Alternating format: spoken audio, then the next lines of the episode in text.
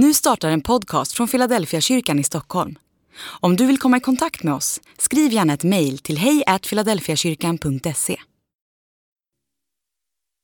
Jag vet inte vad ni hade för planer för påskhelgen, men jag är ganska säker på att det blev annorlunda än vad ni hade tänkt. Eller? Ja, jag tror att många av oss hade sett fram emot att eh, fira påsk tillsammans med släkt och med vänner. Man kanske hade sett fram emot att gå till kyrkan om man brukar göra det. Eh, kanske ha en påskfest eller till och med åka till fjällen. Men den här påsken så blev ju allt annorlunda. För att läget i Sverige och läget i, i världen har ju förändrats. När man läser om lärjungarna så inser man att det var ungefär så det var för dem.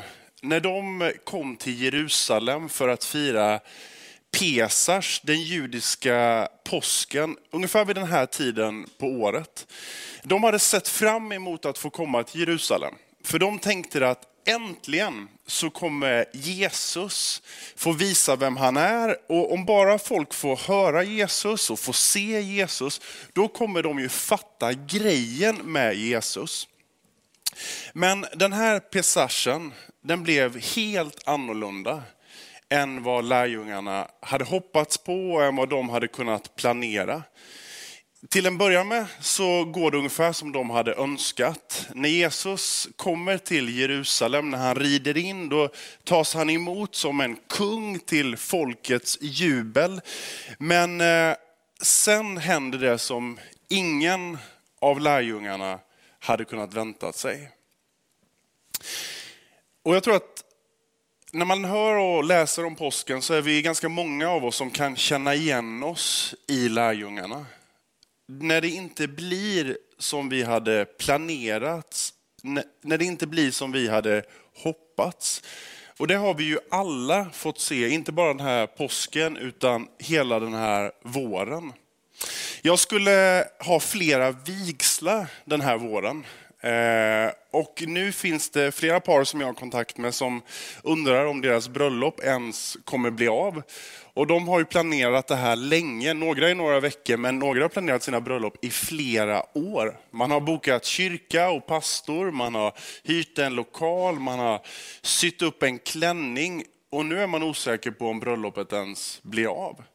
Jag träffade några gymnasiestudenter här i kyrkan som berättade att eh, de har ju längtat efter att få ta studenten i början av sommaren. De hade sett fram emot att ha en stor fest och så skulle de få fira att äntligen så är de fria från skolan. Och så kommer ju beskedet i veckan från Stockholms stad att allt studentfirande ställs in. Ibland blir det inte som vi har önskat eller som vi har planerat. Jag eh, hörde en äldre kvinna berätta att hennes väninna, hennes bästa vän sedan 40 år tillbaks hade avlidit i sviterna av covid-19. Och så berättade den här kvinnan att det som var tyngst med det här beskedet, det var inte att hennes väninna hade gått bort, utan det var att hon själv inte fick vara med och ta avsked. Och så berättade hon om att när den närmsta familjen, det var bara de som samlades eh, för att ha begravning, då bestämde sig den här väninnan för att ta på sig sin absolut finaste klänning. Och så plockade hon fram ett kort som hon hade hemma på sig själv och sin väninna. Och så tände hon ett ljus där på äldreboendet där hon bodde. Och så sa hon att eh, hon tänkte på allt det fina som de hade fått uppleva under sina 40 år som vänner. Och så sa hon, det jag kände var en enorm känsla av tacksamhet till Gud över att få ha en så fin vän genom livet.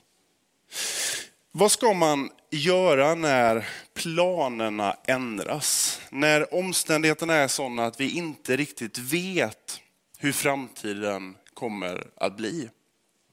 Jag tror att det första man måste göra det är att acceptera läget. Det är ju det här som lärjungarna på den på den här påskhögtiden, pesarsen, har så svårt för.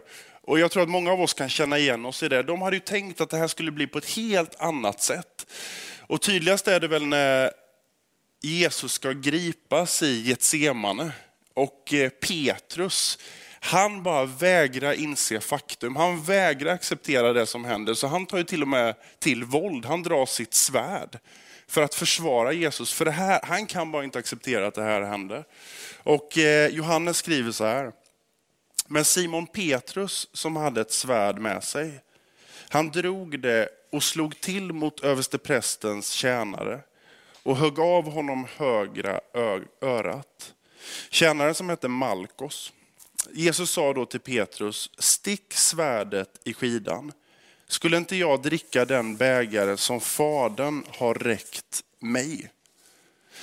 Jag tänker det är inte bara Petrus som har svårt att acceptera när planerna ändras. Jag tror det gäller oss alla. Allt det som har ställts in eller skjutits upp den här våren, allt det som inte blir som vi har planerat. Jesus, han visste ju om den högre planen.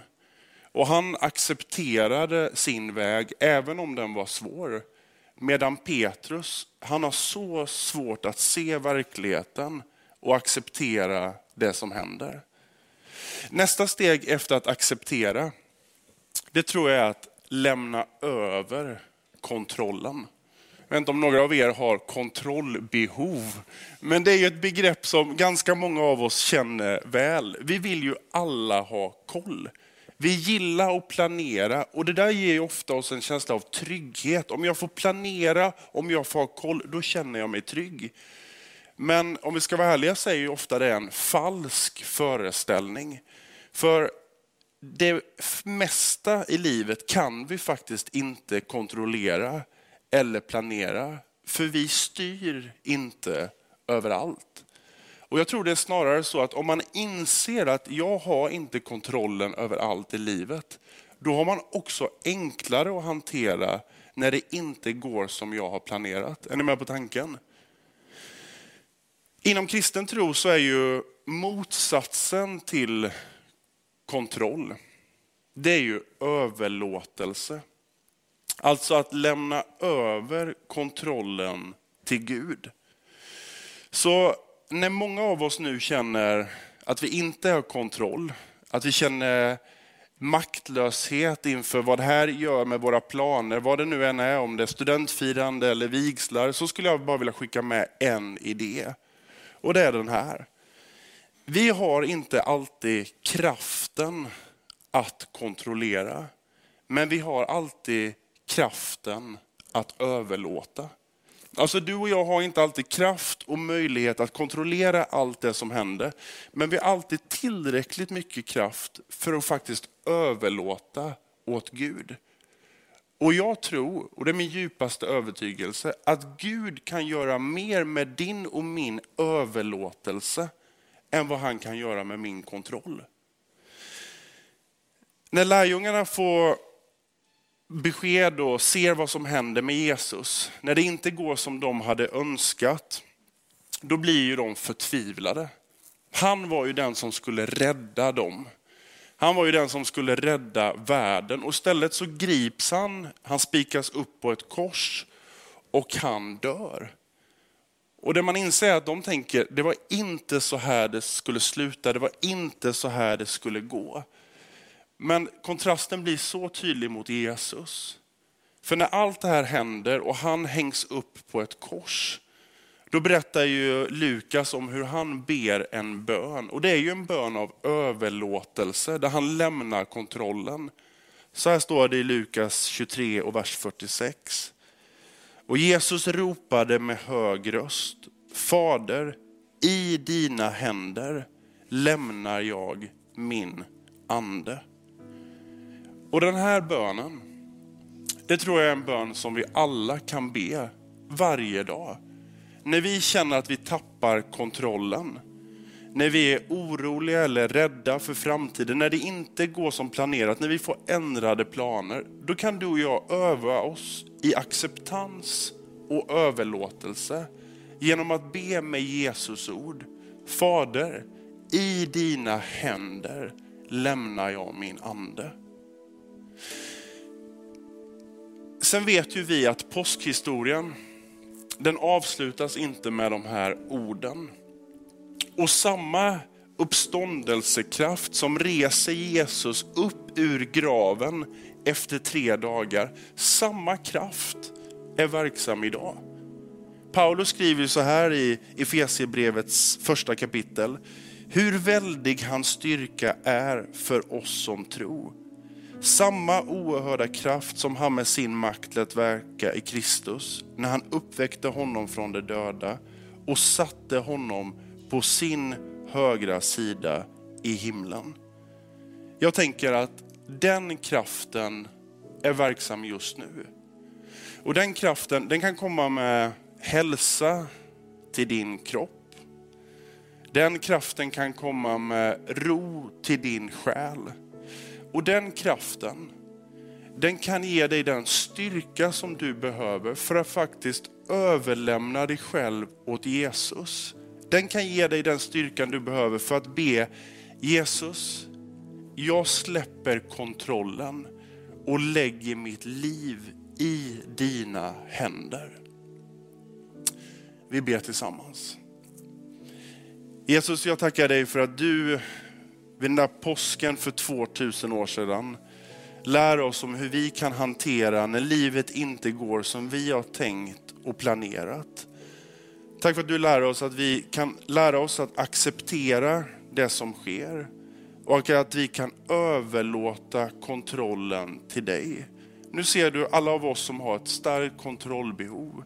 Jag ber om att vi skulle kunna stämma in i din bön att, ja men, Fader, i dina händer så överlämnar vi vår ande, vår kontroll och vi accepterar det som händer. Jag ber om det i Jesu namn. Amen.